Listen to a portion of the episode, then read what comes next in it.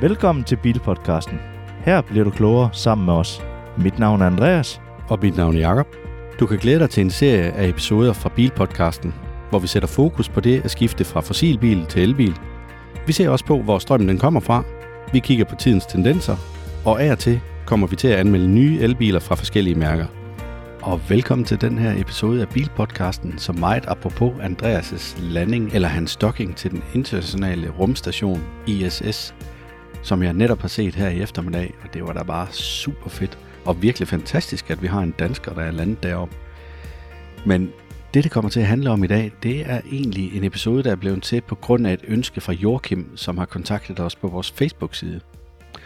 Og han sad med et emne, som kunne være interessant for os at tage op her på Bilpodcasten, og det var nemlig, hvad er status på biler, der kører på solceller eller ren solenergi?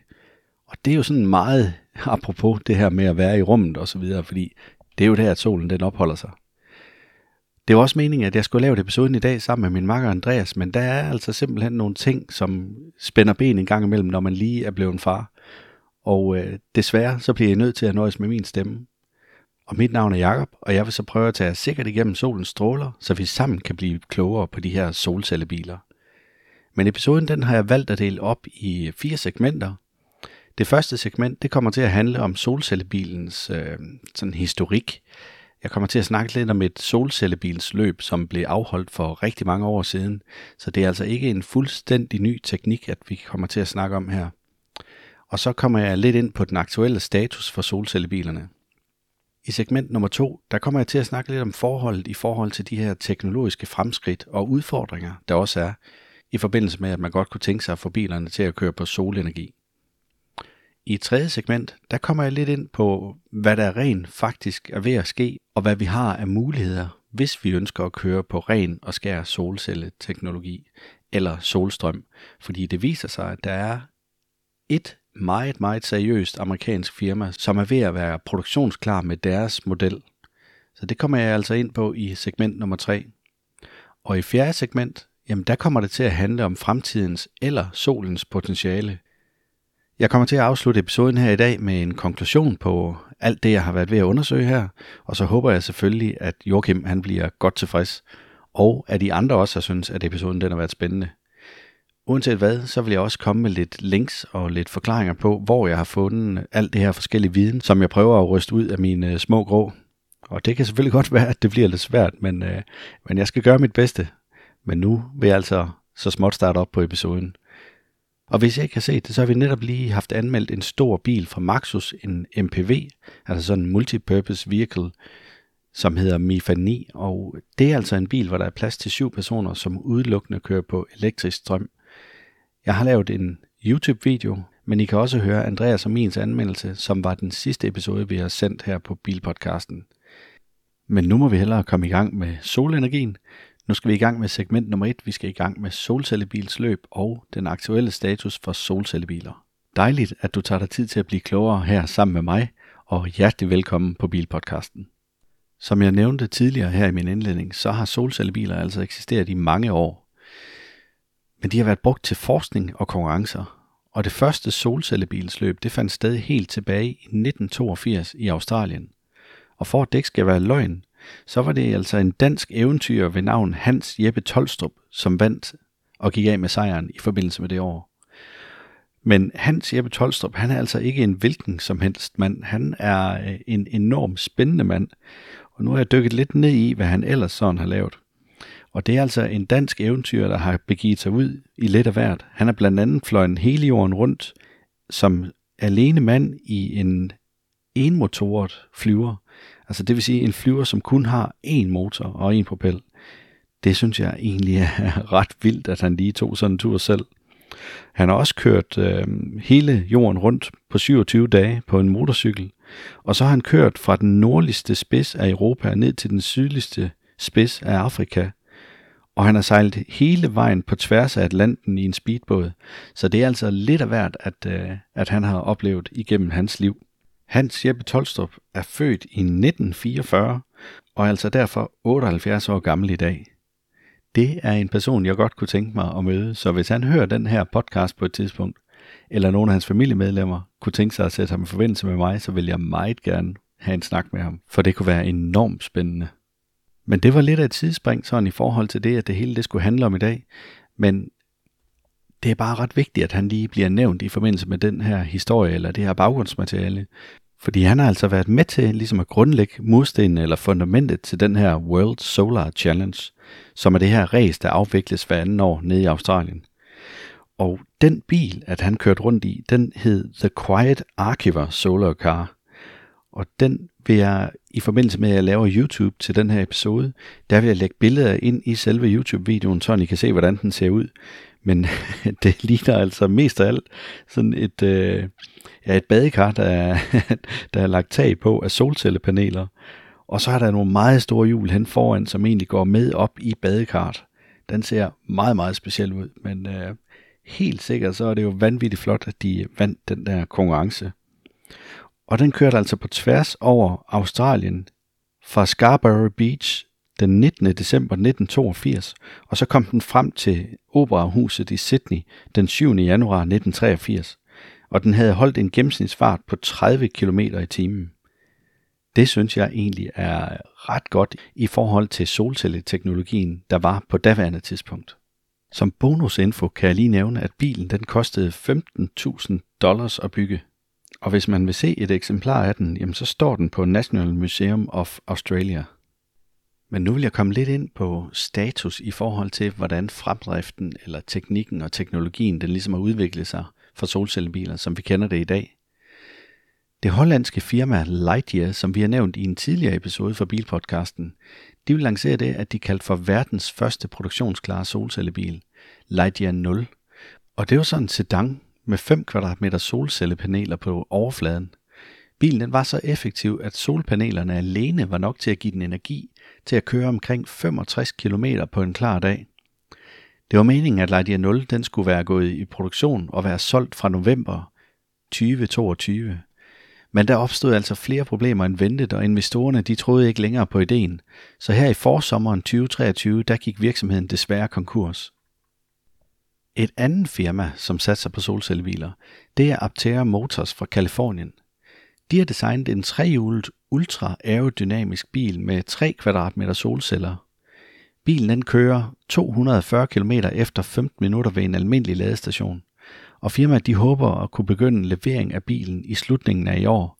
Der er allerede nu åbnet op for bestillinger på det amerikanske marked, og det er sådan et yderst særpræget køretøj at se på, men den har altså også verdens mindste vindmodstand, og jeg vender tilbage til bilen fra Aptera senere i den her episode. Den tredje virksomhed, som arbejder lidt med solcelledrevne biler, det er kinesiske Han Energy – Virksomheden de har specialiseret sig i at lave sådan en meget tynd og fleksibel solfilm, så de kan tilpasse solcellerne til netop den form, man ønsker. Jeg lægger lige nogle billeder op af en prototype, som ser ret godt ud.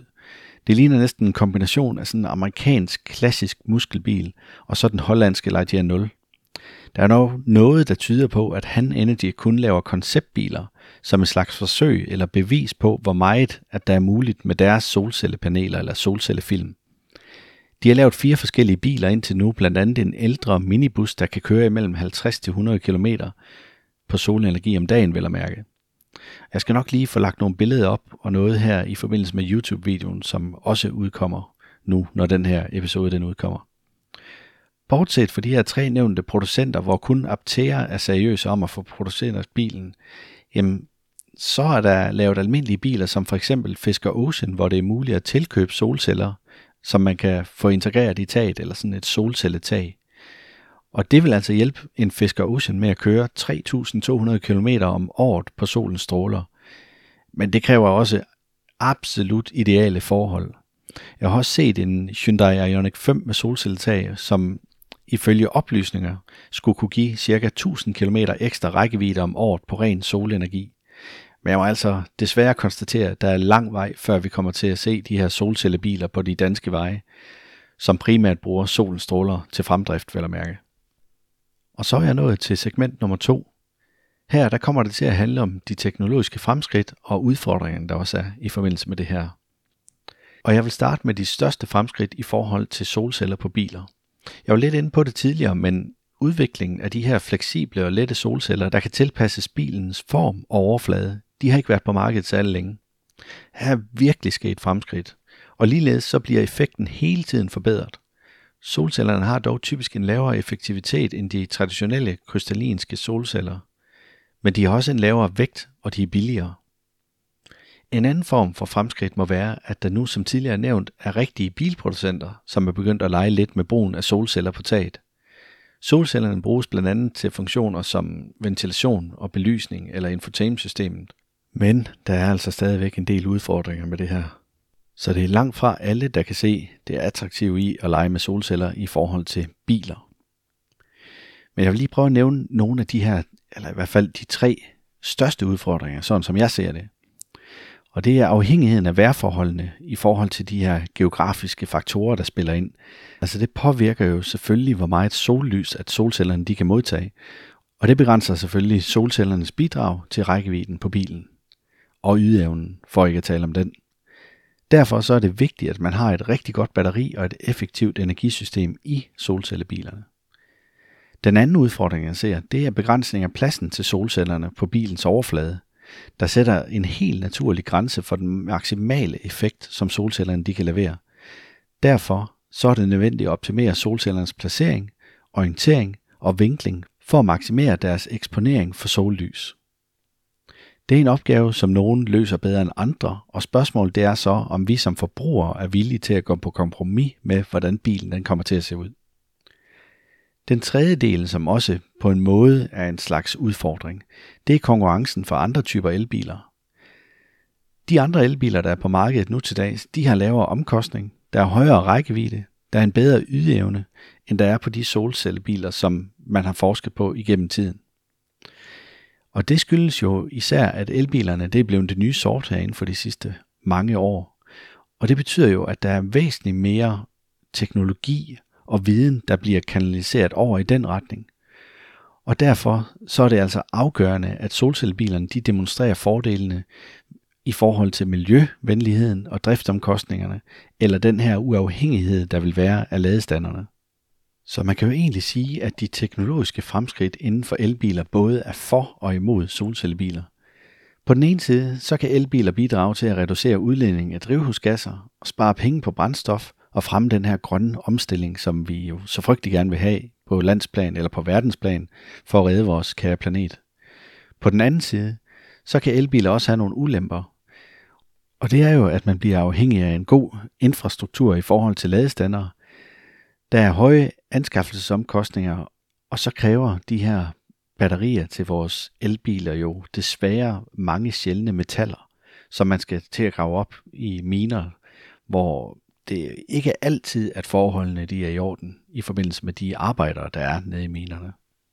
Hvis vi kigger på solcellebilerne, jamen så har de nogle fordele i forhold til almindelige elbiler, og det er, at de er mere miljøvenlige, der er lavere driftsomkostninger, og du kan være mere uafhængig af ladestandere. Men de har altså også nogle ulemper, og det er, at de er meget afhængige af vejrforholdene, og så er der begrænset plads til passagerer og bagage, og de er noget dyrere end almindelige elbiler at producere, i hvert fald lige pt. Jeg vil nævne to eksempler på de her teknologiske fremskridt inden for elbiler, der har påvirket solcellebilernes udvikling. Nummer et, det er udvikling af hurtigere og billigere ladeteknologier. Det kan gøre det nemmere og mere bekvemt at oplade elbiler, og det øger allerede nu efterspørgselen på elbiler og mennesker behovet for solcellebiler, der ikke kræver ladning. Nummer to, det er, at udviklingen af mere effektive og holdbare batterier, der kan øge den her rækkevidde og ydeevnen af elbiler. Det kan gøre elbiler mere attraktive for forbrugerne, men også gavne solcellebilerne, der bruger batterierne til at lære den her solenergi på. Så dermed så kan du måske få en solcellebil, som vejer væsentligt mindre og måske kan begynde at se mere almindelig ud end det man kender fra de solcellebiler, der er på markedet i dag.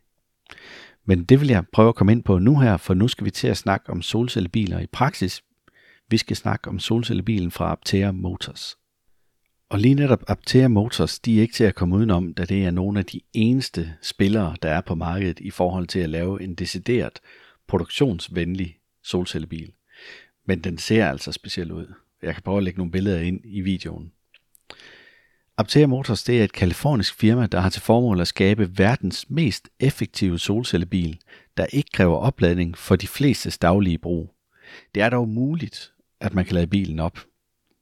Firmaet blev grundlagt tilbage i 2006 af Chris Anthony og Steve Fambro, men desværre så gik det konkurs i 2011, og det var på grund af finansielle og juridiske problemer. Men tilbage i 2019, der blev firmaet genoplevet igen ved hjælp af en crowdfunding-kampagne og et nyt design af selve solcellebilen. I forbindelse med vores YouTube-video, der vil jeg lige sætte en video ind, hvor man ser lidt om, hvordan bilen den ser ud i dag, og der er også nogle testkørsler med bilen. Så der vil altså være noget at gå ind på vores YouTube-kanal for ligesom at blive lidt klogere på. Eller i hvert fald, så har man mulighed for at se, hvad det er, jeg snakker om her. Men jeg vil lige prøve at beskrive bilen for jer. Aptera Motors solcellebil, det er en trehjulet ultra aerodynamisk elbil, der er dækket med ca. 3 kvadratmeter solceller på overfladen. Bilen den er så effektiv, at solcellerne alene giver energi nok til at køre omkring 65 km på en klar dag. Bilen den har også et batteri, der kan oplades ved en almindelig ladestation, og det giver en rækkevidde på op til 240 km på kun 15 minutters opladning. Det er altså ret fedt det der, synes jeg. Bilen den har plads til to personer, og så har den sådan en meget futuristisk design med et digitalt instrumentbræt og så et trådløst opladningssystem er der ovenikøbet også. Aptea Motors de forventer at begynde leveringen af solcellebilen i slutningen af året, og firmaet de har allerede modtaget over 7.000 forudbestillinger og har en venteliste på over 40.000 interesserede kunder. Firmaet de håber på at kunne producere op til 10.000 elbiler eller solcellebiler om året i første omgang, og så senere vil de øge kapaciteten til 40.000 biler om året. Bilen den har en startpris på 25.900 dollars, men det kan variere i forhold til størrelsen på batteriet og andre funktioner. Det er muligt at købe en version med en rækkevidde på helt op til 1000 miles. Det svarer til 1609 km på en enkelt opladning. PT der er der kun 644 mulige reserveringer tilbage. Men da ingen af bilerne de er typegodkendt til kørsel i Danmark, så tror jeg, man skal vente med at købe en. Jeg forventer i hvert fald ikke, at Motorstyrelsen de giver lov til at sætte nummerplader på bilen, før at den er blevet typegodkendt. Bilen den accelererer fra 0 til 100 km i timen på bare 4 sekunder, men den yder også en effekt på 128 kW, hvilket svarer til 174 hestekræfter. Aptea Motors forsøger at realisere den her solcellebils potentiale som en bæredygtig, praktisk løsning for transportsektoren. De fremhæver, at solcellebiler kan reducere udledningen af drivhusgasser, man kan spare penge på brændstof, og man kan fremme den grønne omstilling. Solcellebiler kan også give frihed og uafhængighed til bilister, som ikke behøver at bekymre sig om at finde en ladestander eller betale for elektricitet. Øh ja, det skal så lige siges, hvis det er en solskinsdag, og man ikke har parkeret under et træ, eller holder i en by, hvor der er højhus rundt om en, fordi så bliver det da et problem at få den ladt op. Det er jeg da 100% sikker på. Men er du helt ude på de øde sletter i Texas eller i Australien et eller andet sted, så slår der bare løs, så er der sikker på, at det her det nok skal blive et hit. Men jeg ser altså udfordringerne her. Og det bringer mig frem til segment nummer 4, som er fremtidens eller solens potentiale. Der er lavet målinger af solens energi uden for vores atmosfære, og hvis man tager de her målinger og omregner eller fordeler på samtlige af jordens kvadratmeter, så vil jorden kunne levere 1,36 kW strøm per kvadratmeter.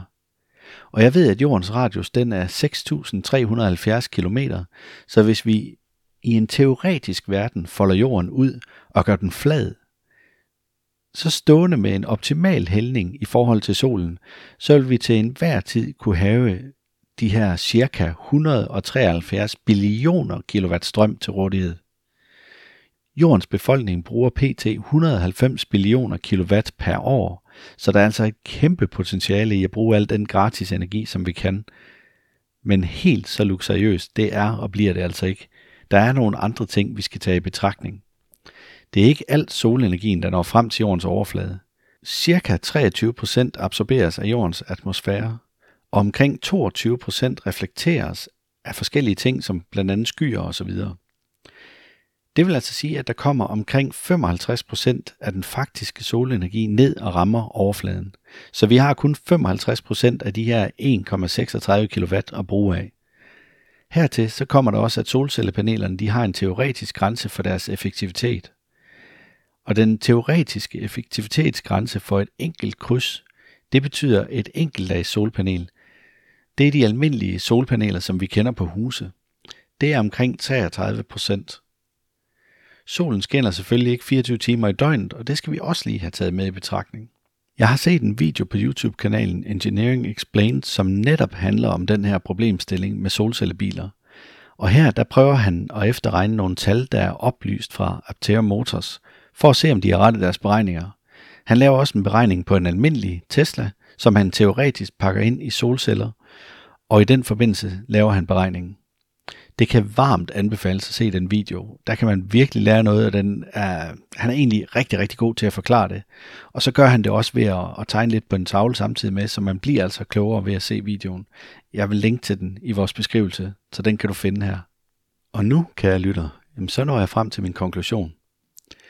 En fremtid med soldrevne biler er en spændende og inspirerende mulighed, der kan have mange positive konsekvenser for mennesker og planeten.